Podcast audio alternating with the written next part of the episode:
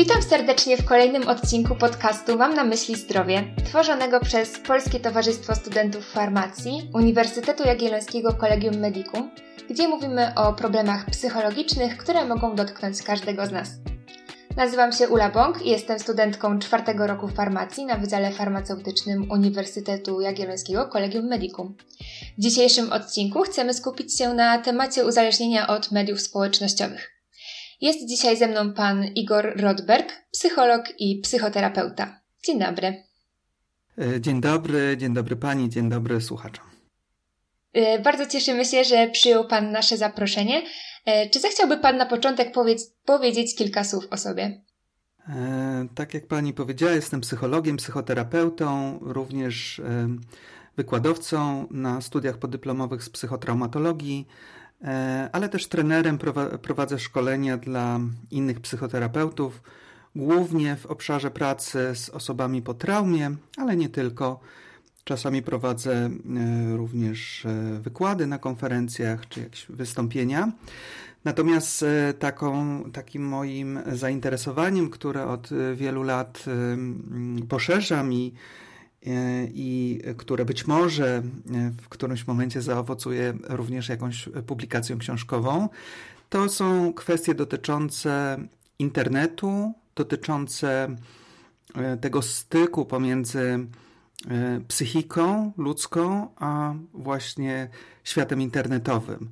Jakie zjawiska powstają, czym się charakteryzują te zjawiska, jaki wpływ mają na, na nasze życie, ale też jak my funkcjonujemy w tym obszarze, to są, to są te kwestie, które najbardziej mnie interesują.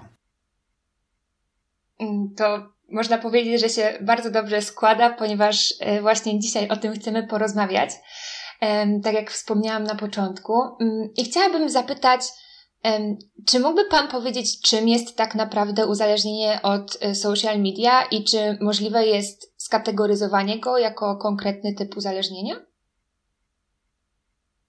Zacznę od tego, że mm, w klasyfikacjach mm, chorób y, i zaburzeń psychicznych y, my nie mamy wpisanego jeszcze uzależnienia od social media.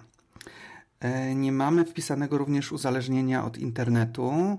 Na razie mamy wpisane uzależnienie od gier internetowych. Natomiast jako, jako zjawisko możemy powiedzieć, że mamy tutaj do czynienia z uzależnieniem behawioralnym. Nie uzależnieniem od substancji psychoaktywnych, ale właśnie z uzależnieniem behawioralnym, takim jak e, hazard, czy zakupoholizm, e, czy e, seksoholizm. Czy jest to związane z tym, że nasze, no właśnie, z naszym, z naszym zachowaniem, z naszym działaniem. I teraz, żeby jeszcze przy, przybliżyć kwestię kategorii czy kryteriów uzależnienia, można by powiedzieć, że żeby, mm, że te, że te kategorie, te kryteria, przepraszam, dzielą się na, jest ich sześć. Pierwsze kryterium to jest takie kryterium związane z przymusem, że my nawet czasami byśmy nie chcieli, ale mamy taki przymus, żeby coś zrobić. W tym przypadku mówilibyśmy o takim przymusie zaglądania na, e, na, na portale społecznościowe. Drugie kryterium to jest, e, jest kryterium trudności z samokontrolą. Czyli mówimy sobie na przykład, dzisiaj wieczorem będę czytać książkę, po czym wieczorem czytamy 5 minut książkę, a potem spędzamy to na właśnie na przykład na Facebooku. Trzecim kryterium to jest zespół abstynencyjny, czyli w momencie, kiedy nie mamy dostępu, nie możemy wykonywać danej czynności, czy, czy prezentować danego zachowania, odczuwamy pewne negatywne, e, negatywne skutki, nieprzyjemne odczucia, takie jak spadek samopoczucia, wzrost napięcia, dyskomfortu, e, czy jeszcze jakieś inne objawy tego zespołu odstawiennego. Czwartym kryterium jest zjawisko tolerancji, czyli że potrzebujemy więcej i więcej, żeby czuć się podobnie. Czyli na początku potrzebowaliśmy, powiedzmy, zajrzeć raz czy dwa razy w ciągu dnia, na jakieś portale społecznościowe, a później potrzebujemy tego więcej. Piątym kryterium jest utrata zainteresowań rzeczami, które do tej pory sprawiały nam przyjemność. Czyli na przykład lubiliśmy wychodzić na rower, ale stwierdzamy nie, to jednak jeszcze trochę poklikam, będę siedzieć, e, mówiąc kolokwialnie, na portalu społecznościowym, a rower to może później. I okazuje się, że przez miesiąc w ogóle go nie używaliśmy. I szóste kryterium to jest takie kryterium, które mówi o tym, że podejmujemy działania, dane działanie, e, nawet jeżeli e, mamy czy obserwujemy wyraźne sygnały o negatywnych skutkach. Czyli na przykład nasza partnerka, nasz partner mówią nam, że, e, że fajnie by było, gdybyśmy z nimi spędzali więcej czasu, a my pomimo tego, że może to zaważyć na jakości naszego związku, jednak wolimy spędzać ten czas w social media. I teraz, żeby mówić o uzależnieniu, e, powinny być spełnione trzy, przynajmniej trzy z tych sześciu kategorii. Nie? Czyli warto jest się zastanowić, czy E, czy to zachowanie, które prezentujemy, czy ono wchodzi w zakres uzależnienia, czy być może jest to nie uzależnienie, a po prostu nawyk. Nie? Żebyśmy też nie, nie, mm, nie nazywali wszystkich naszych nawyków uzależni uzależnieniami. Jest trochę taka tendencja czasami społeczna, żeby nazywać, e, żeby mówić na przykład o tym, że e, no, jestem uzależniony od serialu albo jestem uzależniony od porannej kawy. To może być po prostu nawyk. E, może być nawyk e, specyficzny, może być nawyk taki, który e, no, nie, nie, nie wszyscy mają. Nie musi być to uzależnienie. Nie? Także tutaj warto też to, warto też to rozróżniać. Rozumiem. Czy zatem mm, istnieje jakaś grupa społeczna, w której ten problem najbardziej dotyczy, ponieważ Pan wymienił te sześć kryteriów, z czego trzy muszą być spełnione? I czy w takim razie w którejś grupie społecznej łatwiej jest y, spełnić więcej kryteriów, czy, czy to od czegoś zależy? No i tutaj mamy, mamy tutaj różne badania. To znaczy, Pojawiają się czasami badania, które mówią, że nastolatkowie są tą grupą e, społeczną najbardziej narażoną. Ale są badania, które pokazują, że też grupa, że też grupa wiekowa w przedziale między 20 a 40 lat jest najbardziej narażona. Jest kilka grup, które się w wielu badaniach po, e, wymienia. I ja teraz o tych grupach powiem, czyli to są, tak jak już mówiłem, nastolatkowie, którzy mają duży dostęp do internetu i i nieograniczony czas korzystania z niego i być może mało kontroli też rodzicielskiej. E, kolejną grupą to są młodzi dorośli, studenci albo osoby, które e, są bez pracy, które ze względu na e, czas wolny, którym dysponują, mogą spokojnie, znowu mówiąc kolokwialnie, siedzieć w internecie. Kolejną grupą to są osoby samotne, właśnie w wieku lat 20 do 40 E, które ze względu na to, że, że są same, e, e, jakoś rekompensują sobie to właśnie chociażby przez portale społecznościowe, czyli przez taki kontakt z innymi osobami przez internet. I mówi się jeszcze, zaczęło się mówić o takiej grupie mm, stosunkowo nowej. To jest taka grupa 7-8-latkowie, którzy właśnie idą do szkoły, którzy już mają smartfony i na tych smartfonach rzeczywiście bardzo intensywnie siedzą, e, wchodząc w, w nowe środowisko, czyli właśnie rozpoczynając e, szkołę podstawową, bardzo intensywnie jednocześnie eksplorują e, te kontakty towarzyskie w internecie. Nie tylko w, w, w klasie czy, czy w zajęciach poza, pozalekcyjnych, ale głównie w internecie. Oczywiście te badania również e, muszą być uwzględniane w kontekście ostatnich, e, ostatniego roku, czyli ograniczeń i zdalnej pracy czy zdalnej szkoły, ponieważ prawdopodobnie e, tutaj mogły wpływ pandemii mógł tu zdecydowanie mm, pokazać, że te grupy społeczne narażone na uzależnienie od social media E, czy na nadmierne korzystanie z social media mogą być zupełnie inne, czy przemieszane, czy, czy rzeczywiście e, inaczej się prezentować. E, część badań już powstaje, ale tak jak myślę, one będą dopiero do nas spływać, myślę, być może w tym roku, być może w następnym roku, takie bardziej szeroko zakrojone badania. A właśnie a propos tej pandemii i, i, właśnie lockdownu, czy w swojej praktyce zawodowej zauważa Pan skutki tego, czyli to, o czym Pan teraz mówił, że powinniśmy też brać pod uwagę mm, ten ostatni rok? Mhm. Znaczy skutki lockdownu na pewno są odczuwane i w mojej pracy mm, gabinetowej, psychoterapeutycznej, ale też y, docierają do mnie informacje e, w kontekście mm, osób, które, młodych osób, które nadal się szkolą, które są w szkole podstawowej bądź średniej, że ten lockdown się przekłada na wiele, naprawdę na wiele e, obszarów młodzi ludzie, którzy na przykład, e, dla których kontakt rówieśniczy, zwłaszcza myślę tutaj o nastolatkach, gdzie ten kontakt e, rówieśniczy jest bardzo ważny do rozwoju psychospołecznego czy emocjonalnego, jest dosyć zaburzony. I w tym momencie mogą się rozwijać zjawiska mm, czy, czy zaburzenia lękowe, ale też zaburzenia depresyjne. Takie, takie doświadczenie bardzo dużej alienacji. E, to jest, e, e, myślę, że naprawdę bardzo złożone zjawisko. Natomiast no, ja prawdopodobnie, tak jak mnóstwo innych osób, też w jakimś stopniu przeszło na, na pracę zdalną, czy na pracę zdalną w większym wymiarze, co również jakoś wpływa na, na nasze zdrowie psychiczne.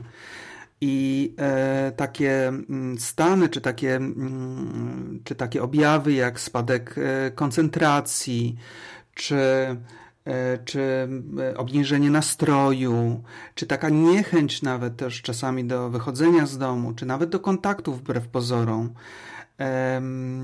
taka apatyczność, większa męczliwość, mogą być wyrazem właśnie przedłużającej się pandemii, a właściwie jakbyśmy tutaj to przełożyli na język psychologiczny przedłużającego się kryzysu. Nasz e, organizm, nasze ciała, nasza psychika są fantastycznie przygotowane do tego, żeby radzić sobie z kryzysem o ile on jest krótkotrwały. Natomiast ten kryzys trwa już rok i nadal trwa, w związku z tym nasz organizm no, stara się mm, czerpać na radzenie sobie z tym kryzysem energię z innych obszarów, czyli musi gdzieś e, z innych obszarów brać, e, że tak powiem, pożywienie na to, żeby dożywić radzenie sobie z, z kryzysem. E, też prawdopodobnie doświadczamy od strony takiej E, organicznej, e, stale podwyższonego kortyzolu, e, który on służy generalnie temu, żebyśmy byli zwarci i gotowi i, i mogli walczyć lub uciekać. On służy temu, żeby nasz układ współczulny też był, działał prawidłowo. Jeżeli on jest w nadmiarze produkowany albo produkowany zbyt długo, to, to, to nasze organizmy też trudno sobie z nim radzą. E, I może się to przekładać również na, na przykład na zaburzenia snu i czuwania, e, zarówno na utrudnienie zasypiania czy wczesne wybudzanie się, ale też na e, większe przesypianie, na przykład dni. Czy, czy tak jak wspomniałem, większą męczliwość. Czyli tak jak widać, no, kwestia lockdownu jest sprawą bardzo złożoną i na wiele obszarów przenosi się. Myślę też, że nie wszystkie, o nie wszystkich jeszcze wiemy, ponieważ niektóre zjawiska czy objawy będą, e, będą dla nas dostępne tak naprawdę po ustąpieniu pandemii i myślę tutaj o zespole stresu pourazowego, który może wystąpić nawet w, w, w, czasie kilku miesięcy od tego, jak pandemia się zakończy. E, także, także pewnie będziemy to dopiero obserwowali w przyszłości.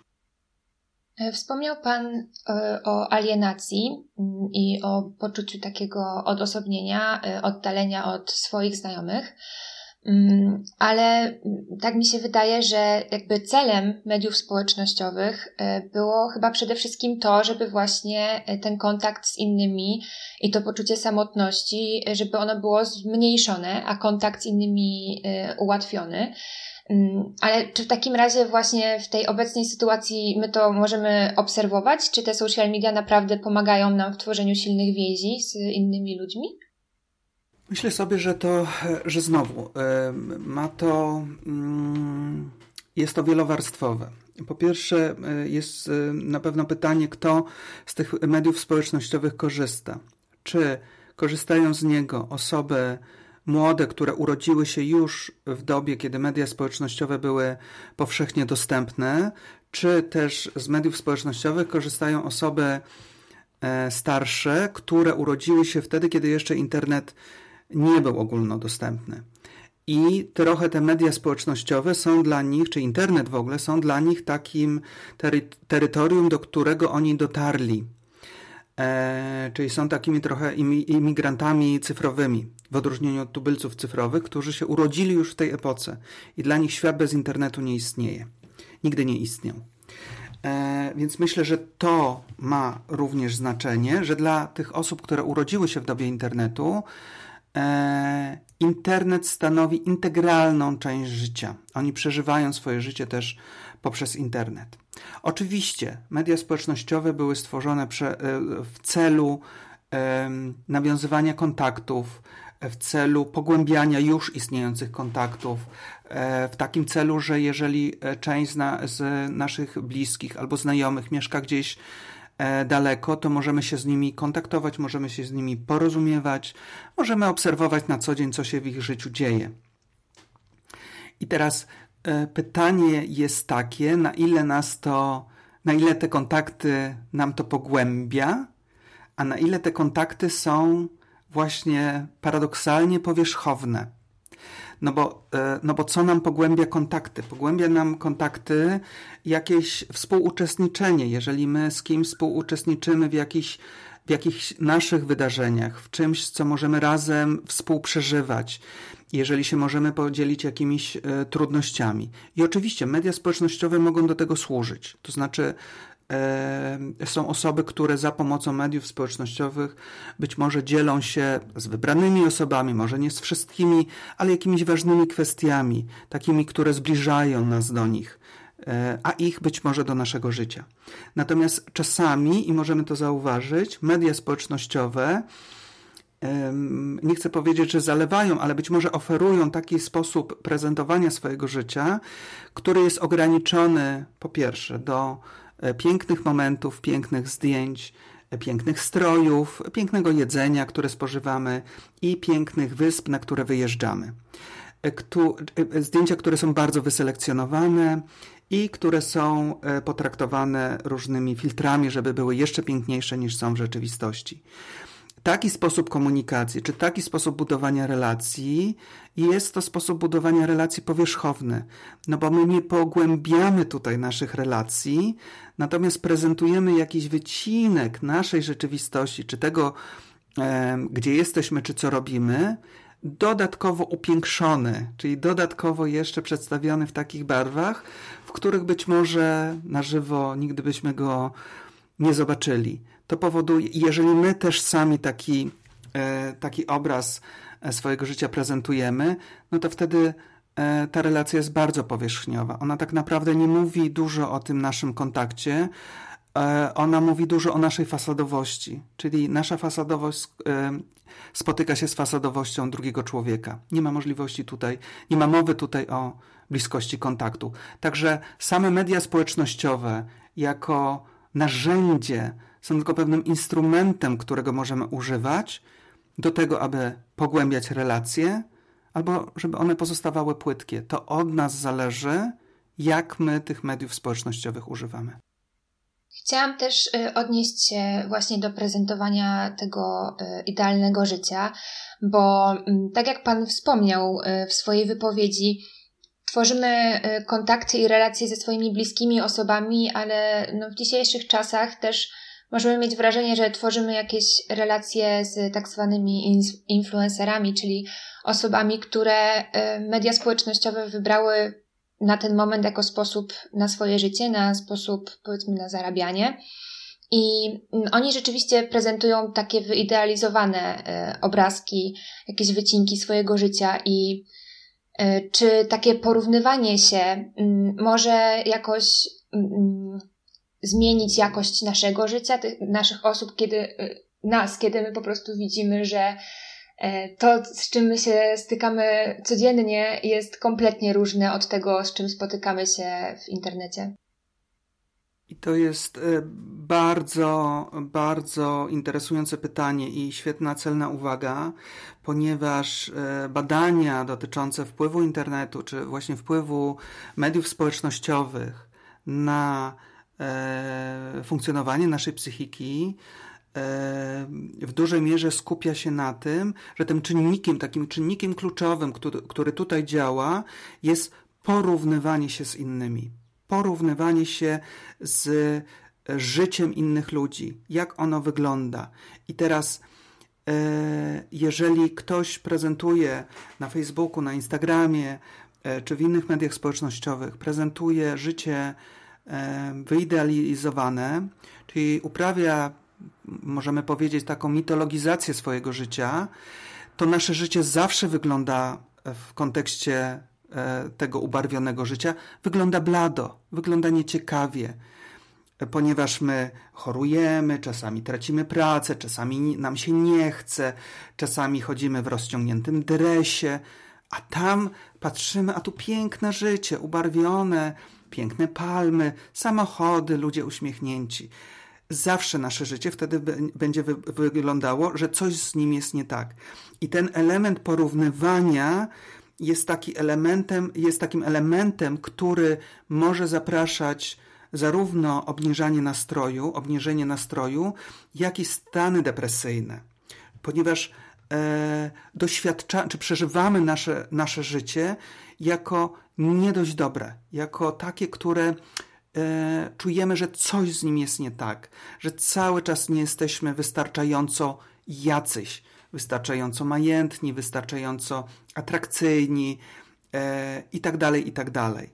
I e, taki swoisty wyścig w mediach społecznościowych, wyścig o liczbę lajków, niestety nie służy nam. Znaczy, y, utrudnia nasze funkcjonowanie psychiczne, e, rozregulowuje nasze emocje, czy, czy powoduje to, że zarówno reagujemy albo złością, albo zazdrością, albo irytacją, albo bezsilnością, bezradnością, smutkiem, czy jeszcze czymś innym, co no jest, y, reagujemy na coś iluzorycznego, Natomiast nasz mózg to tak odbiera. Nie? Widzi to życie, nasz mózg nie, nie rejestruje tego, że to są filtry ponakładane, tylko mówi: Aha, ojej, jaką ona ma szczupłą talię, ja takiej nie mam. Nie, on czyta to, co widzi. Jak my widzimy to no, też na, na, nie tylko na portalach społecznościowych, ale, tylko, ale również na okładkach e, gazet czy magazynów, zdjęcia, które są przerobione, nasz mózg odczytuje, że taka jest rzeczywistość. Nie? My dopiero musimy wykonać pewną pracę poznawczą, żeby e, odmitologizować to, co jest prezentowane, czyli żeby sobie powiedzieć, ok, tutaj Photoshop był użyty bardzo intensywnie. E, ktoś bardzo nad tym zdjęciem siedział i je obrabiał. No ale pojawiają się takie zjawiska. Oczywiście nie jest to znowu, nie jest to jednostka chorobowa, natomiast jako zjawisko gdzieś było przez, e, przez badaczy czy psychologów to określone, coś takiego, co się nazywa dysmorfofobią snapchatową. Czyli, że osoby przychodzą do chirurga plastycznego, e, żeby zmienił ich twarz, żeby ona bardziej przypominała tam tę twarz, która jest E, właśnie przerobiona przez filtry snapchatowe czy instagramowe, że, on, że te osoby tak chcą wyglądać, że kiedy one patrzą w lustro, to widzą kogoś, kim nie są, bo widzą siebie e, na Instagramie w zupełnie innej odsłonie. A tu wstają rano i oczy podpuchnięte, no bo opuchlizna e, po śnie zawsze jest, no i patrzą i widzą zupełnie kogoś innego. I teraz oczywiście to może być zjawisko, które może nas y, czasami śmieszyć, bawić, ale ono pokazuje jedną rzecz, mianowicie to, że internet, czy y, świat realny i świat wirtualny, że ta linia demarkacyjna pomiędzy nimi ulega zatarciu. I w takiej rzeczywistości my żyjemy. I w związku z tym tego typu problemy, czy tego typu zaburzenia, czy zjawiska, one mogą powstawać i może być ich, ich, coraz więcej, ze względu na to właśnie, że te dwa światy się przenikają. I że czasami trudno nam jest rozróżnić i powiedzieć sobie: OK, to zdjęcie jest bardzo przerobione e, przez e, filtry pierwsze, co w naszej głowie się pojawia, nawet na takim nieświadomym poziomie, to jest taka refleksja, o kurczę, ale ona wygląda, ale on wygląda super, nie? A ja, no to jeszcze, kurczę, to ja jestem niewystarczająco, hmm, niewystarczająco nad sobą popracowałem. To jest na ogół to, co się pierwsze u nas pojawia, nawet jeżeli sobie nie uświadamiamy w takiej formie, jak ja to teraz pojawiałem, e, powiedziałem. I do tego są, dołączają się różne emocje, zniechęcenie do własnego życia, rozczarowanie własnym życiem, rozczarowanie sobą, rozczarowanie swo- e, e, bliskimi, rozczarowanie pracą, hobby itd. Tak w takim razie, mając na uwadze to wszystko, co Pan powiedział przed chwilą, e, czy my jakby powinniśmy się chronić na przykład przed nadmiernym korzystaniem z social media, czy czy powinniśmy podchodzić do tego na zasadzie bardziej przemyślanej, e, czy, czy, czy, czy to stanowi dla nas realne zagrożenie, żeby to, te wszystkie emocje, o których Pan przed chwilą powiedział, te wszystkie nasze e, przemyślenia, żeby one może nie miały aż takiego znaczącego wpływu na naszą jakość życia? No, na pewno jakąś kwestią jest zwiększenie świadomości, zwiększenie świadomości wokół tych zjawisk. Super, że się o nich mówi, super, że ten podcast Państwo organizują e, i że coraz więcej się o nich mówi, bo to mm, może skutkować większą refleksyjnością, czyli takim zastanowieniem się, ok, aha, to być może u mnie też różne jakieś zjawiska występują. Mhm. Aha, to co ja mogę zrobić, żeby mm, nie wiem, żeby to moje życie było lepsze jakościowo, a niekoniecznie lepsze poprzez filtry. Czyli zwiększenie świadomości to jest jedna rzecz. Drugą rzeczą na pewno jest selekcja informacji, czyli e, takie e, uzmysłowienie sobie, że żyjemy w epoce e, charakteryzującej się nadwyżką informacji olbrzymią nadwyżką informacji. Te informacje do nas docierają i e, na ogół jest tak, że nasz mózg, który wprawdzie się zmienia i e ewoluuje od wielu e, setek lat, nie przeszedł takiej ewolucji, jaką przeszła technologia, czy jaką przeszła nasza cywilizacja w przeciągu ostatnich 120 lat, powiedzmy. On jeszcze nie jest tak zaadaptowany. W związku z tym jego możliwości przetwarzania informacji, e, selekcjonowania, zachowywania ważnych informacji, czy potem dostępność do pewnych informacji przy takim natężeniu bodźców, które do nas docierają jest zaburzona. I potem na przykład idziemy do e, sklepu i chcemy wpisać PIN do naszej karty, którą używamy regularnie i nasz mózg mówi nie pamiętam a za to pamiętamy świetnie muzykę z jakiegoś jingla reklamowego, chociaż nie wiemy, czego ta reklama dotyczyła, ale ten jingle nam się osadził w naszej pamięci. Nie? To są te zjawiska, które świadczą o tym, jaka yy, niezwykła ilość bodźców do nas dociera. W związku z tym warto też te bodźce selekcjonować, mówić, ok, nie muszę być świetnie poinformowany o wszystkim, żeby dobrze funkcjonować. Nie chodzi o to, żeby, że o dobrym funkcjonowaniu świadczy e, liczba informacji, czy ilość informacji, która do nas dociera, ale jakie informacje do nas docierają. I teraz, jeżeli my bez takiego filtra uważności e, otwieramy po, e, portale społecznościowe i tak wchłaniamy to, co jest tam e, w aktualnościach, e, bez żadnego filtra, no to też to skutkuje tym, o czym wcześniej tutaj rozmawialiśmy. Jednak taka uważność, selekcja, jakieś umówienie się z sobą, ok, to będę korzystał na przykład, nie wiem, wieczorem i rano, ale nie w ciągu dnia, choć może wydawać się trudna, zwłaszcza tak myślę w świecie nastolatków, kiedy te relacje mm, zaczynają rozwojowo odgrywać bardzo, bardzo ważną rolę do kształtowania się tożsamości nastolatka czy tożsamości młodego człowieka. Natomiast warto o tym pamiętać, że żeby mm, bardziej dokonywać selekcji niż na przykład dokonywać takiego zabiegu, że wyjeżdżamy na tydzień i odcinamy się na tydzień, a potem znowu wracamy do tego przeciążenia. Jednak warto stosować to na co dzień, taką trochę dietę informacyjną. To jest tak, jak, jak, jak czasami idziemy na dietę. Lepiej niż zastosować, niż stosować y, głodówkę, E, albo dietę jakąś e, monotematyczną, umówić się ze sobą, że będziemy stosować jakąś dietę zdrową, zbilansowaną, ale jednak świadomą, że będziemy dostarczać sobie różne mikroelementy. I tak samo myślę o diecie informacyjnej, że jednak umówimy się ze sobą, że na przykład obejrzenie trzech e, wiadomości czy czterech wydań wiadomości w paśmie wieczornym niekoniecznie nam służy niekoniecznie może powodować, że będziemy E, łatwo zasypiać, zwłaszcza, że były badania pokazujące, że wyrzut kortyzolu po obejrzeniu takich wiadomości przez jakiś czas e, utrzymuje się, że, ta, że ten poziom kortyzolu wyższy utrzymuje się w naszym organizmie.